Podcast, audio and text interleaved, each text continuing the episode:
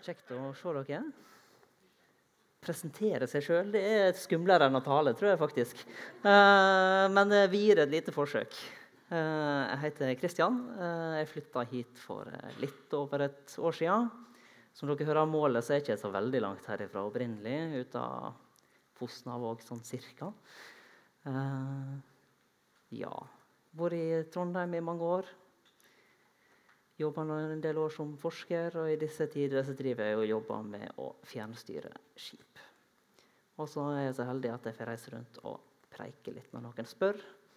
Mest i Trøndelag sånn, så langt i mitt liv, men jeg har vært heldig og fått vært litt rundt her også. Yes, Det tenker jeg får være nok for i dag. Så får dere heller huke tak i meg hvis dere lurer på noe mer etterpå. Vi leser i dag en 60 fra Lukas 1, 26 38. Men da Elisabeth var i sjette måneden, ble engelen Gabriel sendt fra Gud til en by i Galilea som heter Nasaret. Til ei jomfru som var lova bort til Josef, en mann av Davids ett. Navnet hennes var Maria. Engelen kom inn til henne og sa, Vær helsa, du som har fått nåde for Herren. For Herren er med deg. Ved disse ordene ble hun forskrekka og undrast på hva denne hilsinga skulle tyde. Men engelen sa til henne, Vær ikke redd, Maria, for du har funnet nåde hos Gud. Hør, du skal bli med barn og få en sønn, og du skal gi ham navnet Jesus.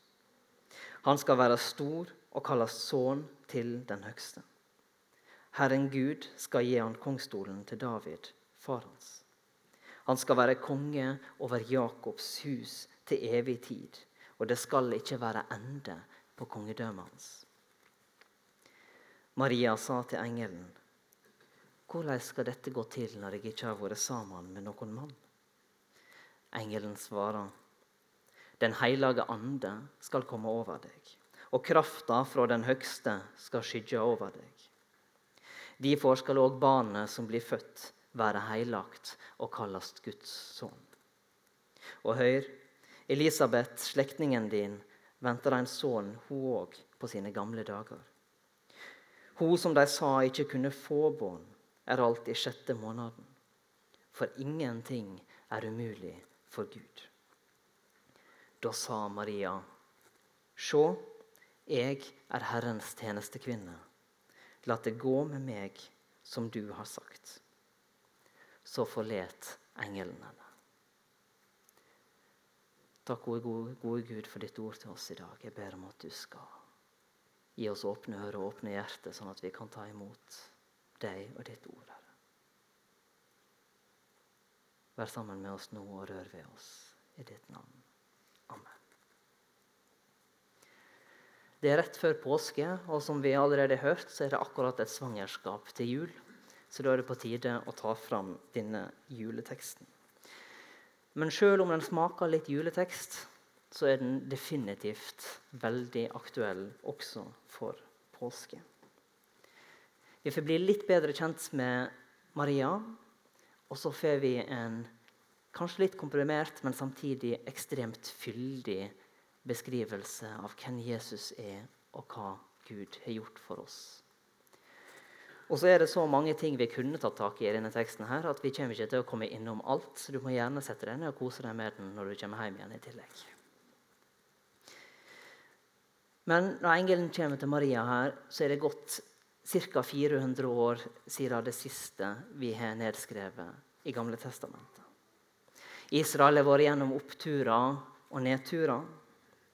De har vært underlagt Perserriket de har vært mellom barken og veden mens Syria og Egypt kriger mot hverandre med Israel imellom. Og så er de lidd ekstra ved at en konge virkelig underkua dem og gikk inn i tempelet med en gris og la han på alteret og ofra til en avgud inni det hellige tempelet. Dette gjorde jødene så rasende at de gjorde opprør og fikk frihet en kort stund før romerne kom og tok over igjen. På det religiøse plan så har vi de, de siste 200 åra fått et stadig mer sekulært presteskap. Og vi har primært tre motkulturer mot dem. Vi har Oi, nå måtte jeg tenke. Fariseerne som la vekt på å følge lova og leve et hellig liv. Vi er esenerne som trekker seg helt vekk fra samfunnet for å leve et hellig liv. Og vi har selotene som med våpen i hånd vil bringe Guds rike til verden.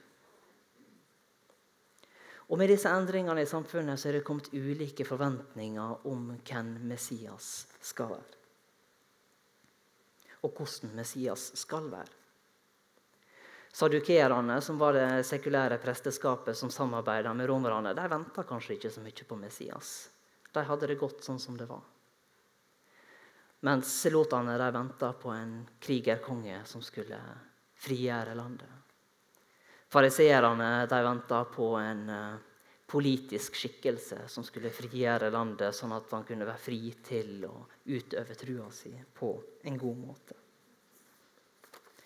Men felles for de alle, kanskje med unntak av sadukerene, er at de venta på en Messias som skulle opprette et jordisk rike, der freden skulle være fullkommen og evig, og der de døde skulle stå opp. Og midt i denne konteksten her så er det at Gabriel kommer på besøk til Maria. Og Det er ganske underlig egentlig at det skjer på denne måten. For i 400 år har jødene venta på å høre noe fra Gud. Og når Gud endelig taler, så taler han til ei lita jente. Og hun får beskjed om at hun skal bære fram Guds sønn. Ikke bare skal hun bære fram Guds sønn, men det skal skje på en måte som ikke var ærbødig på den tida, for Maria var ikke gift ennå. Hun var trulova, eller forlova med Josef. Og På den tida betydde det at det var innafor om det kom et barn, så lenge Josef var faren. Men det vanlige var at de levde atskilt eh, noen år. I henhold til Moselova så hadde Josef, rett til å få Maria steina. Men heldigvis så sender Gud bud til Josef og sier at han ikke skal være redd for å ta Maria hjem til seg. Det står om beskjeden Josef fikk i Matteus 1,20. For barnet som er unnfanget til henne, er av Den hellige ånd. For en del år siden satt jeg på et godskontor og snakka med arbeiderne der. Og Vi kom inn på jula. Han ene han hang seg opp i dette her.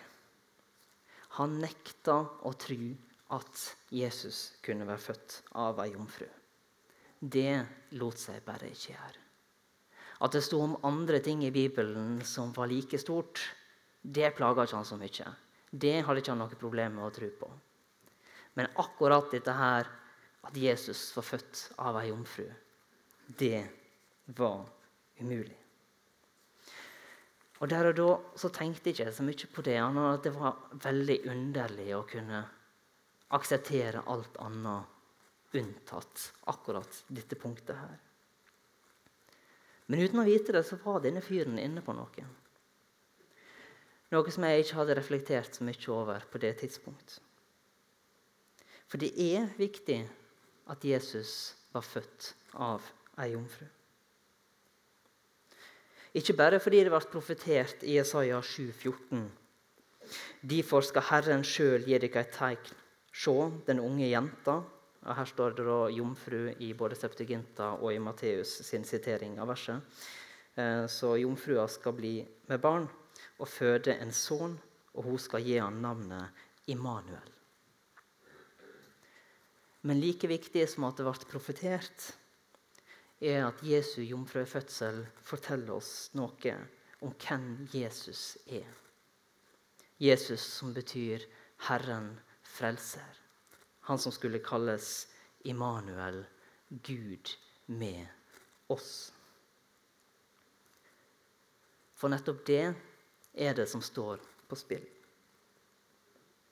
Hvem ville Jesus vært om han ikke hadde blitt unnfanga ved Den hellige ånd, men heller av Josef?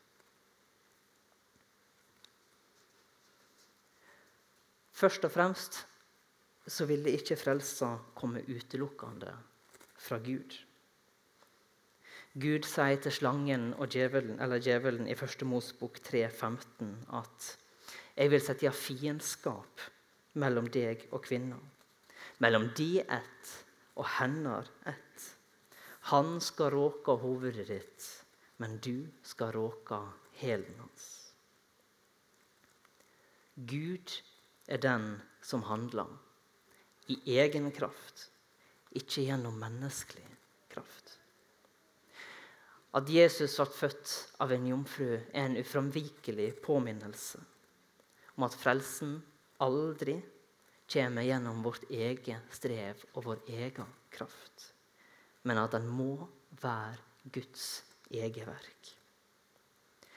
Vår frelse kommer bare av Guds overnaturlige verk, som var tiltenkt helt fra starten.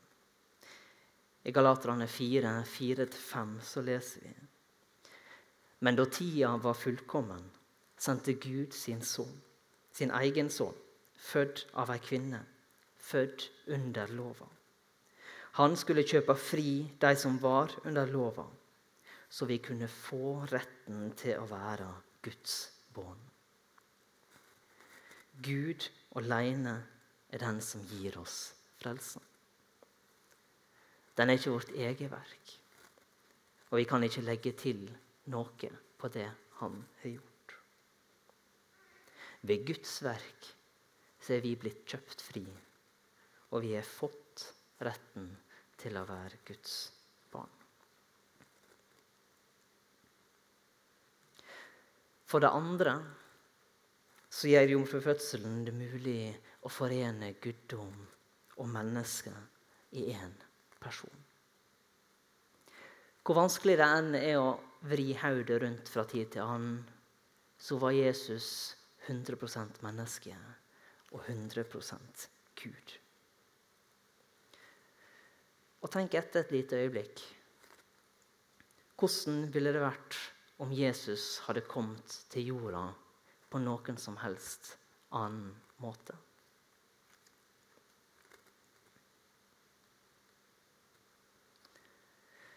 Gud kunne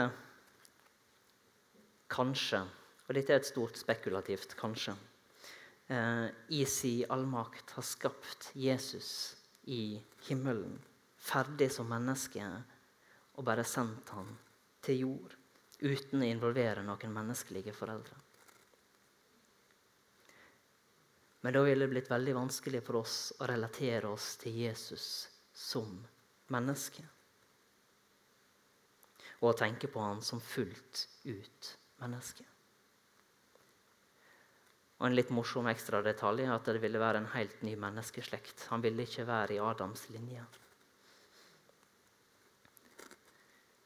Hvis vi går til den andre muligheten, så er det sikkert mulig for Gud å bruke to mennesker til å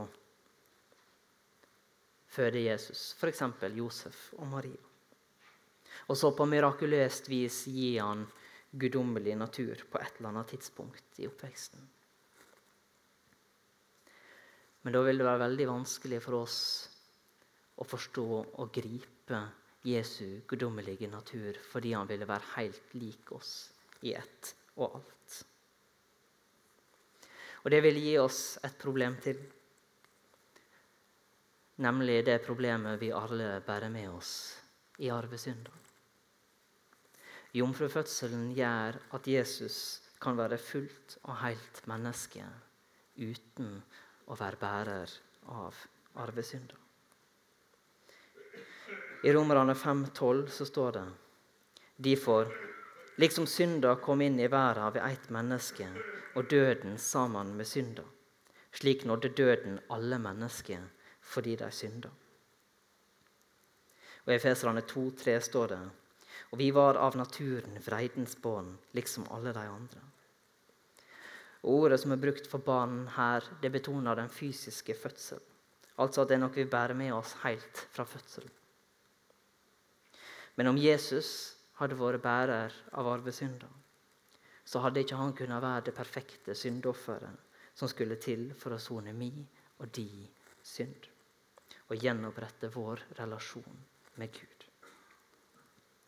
Ved at Jesus er født av Den hellige ånd, nei, unnfanget ved Den hellige ånd, født av Maria, så er samtidig, samtidig arverekka fra Adam brutt og opprettholdt. Sånn kunne Jesus bli født uten menneskehetens synd og skyld, men fortsatt være av Adams ett. Å være fullt ut menneske. For Jesus måtte være fullt ut menneske. I Hebreerne 2, 16-17 så står det For det er ikke engler han tar seg av. Nei, han tar seg av Abrahams ett. Derfor måtte han bli lik søsknene sine i alle ting, så han kunne være miskunnsom og trufast øversteprest for Gud og sona syndene til folket.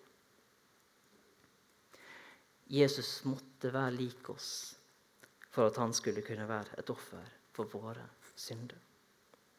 Det er ikke englene han frelste på korset, men det er deg og meg, søsknene hans, som han er blitt lik i alle ting.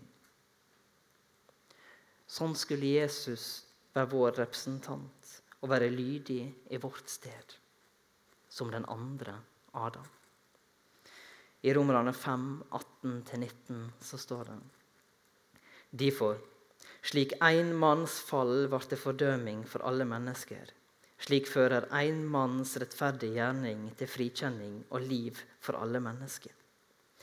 Slik de mange ble syndere fordi det ene mennesket var ulydig, skal nå de mange stå rettferdige fordi den ene var lydig og i kraft av å være både Gud og menneske er Jesus blitt den mellommannen vi trenger. I 1. Timotius 2, 5-6a så står det For Gud er én, og én mellommann er det mellom Gud og menneske. Mennesket Kristus Jesus, han som ga seg sjøl som løsepenge for alle. Så selv om konseptet jomfrufødsel var uforståelig for denne godsarbeideren for mange år siden, så viser det noe av Guds nåde og visdom i måten han sender Jesus til jord på. Det virker ulogisk, men det er pedagogisk og godt. Jesu fødsel er en blanding av det menneskelige og det guddommelige i at han er unnfanga ved Den hellige ånd. Og han er født av jomfru Maria på et helt ordinært vis. Og Det gjør det større, i hvert fall for meg, å tenke på at Jesus ikke bare kom til jorda som en statsleder som forlater palasset sitt et lite øyeblikk, der gatene blir rydda, det blir vaska, det blir kosta, bare de fineste tingene blir satt fram, sånn at denne stakkars statslederen ikke skal få se hvordan det egentlig står til, men han skal få se det glansbildet som han egentlig ønsker å vise fram. Jesus kom ikke på besøk til jorda. Nei, det står at, om Jesus at han var i Guds skapnad og så det ikke som et rov å være Gud lik men gav avkall på sitt eget. Tok en tjeners skapnad og ble menneske lik. Da han sto fram som menneske. Filipperne 2,7.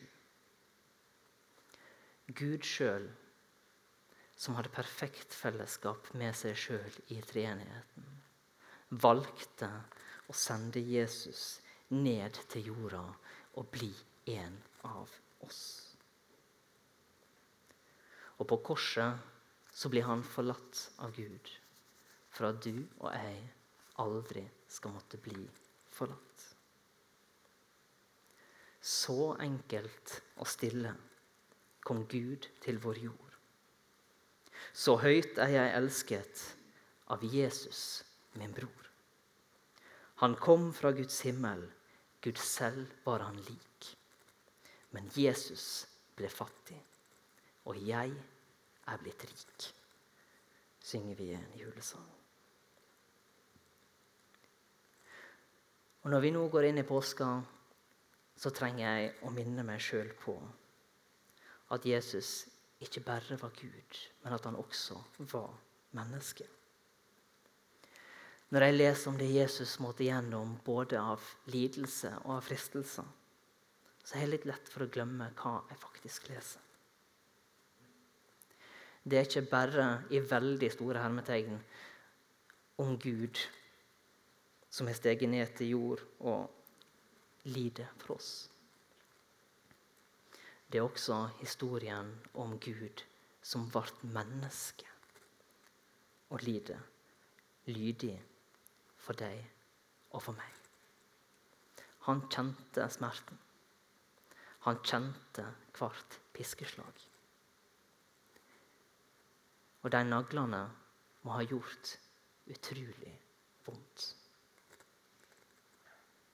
Og når han går inn i hagen før han blir arrestert, og får et innblikk i hva han har i vente, og det står at han var sorgtyngd inntil døden, og han hadde muligheten til å trekke seg og slippe å gå lydig for deg og meg, så sier han, Far, om ikke dette begeret kan gå meg forbi, og jeg må tømme det, så la viljen din råde.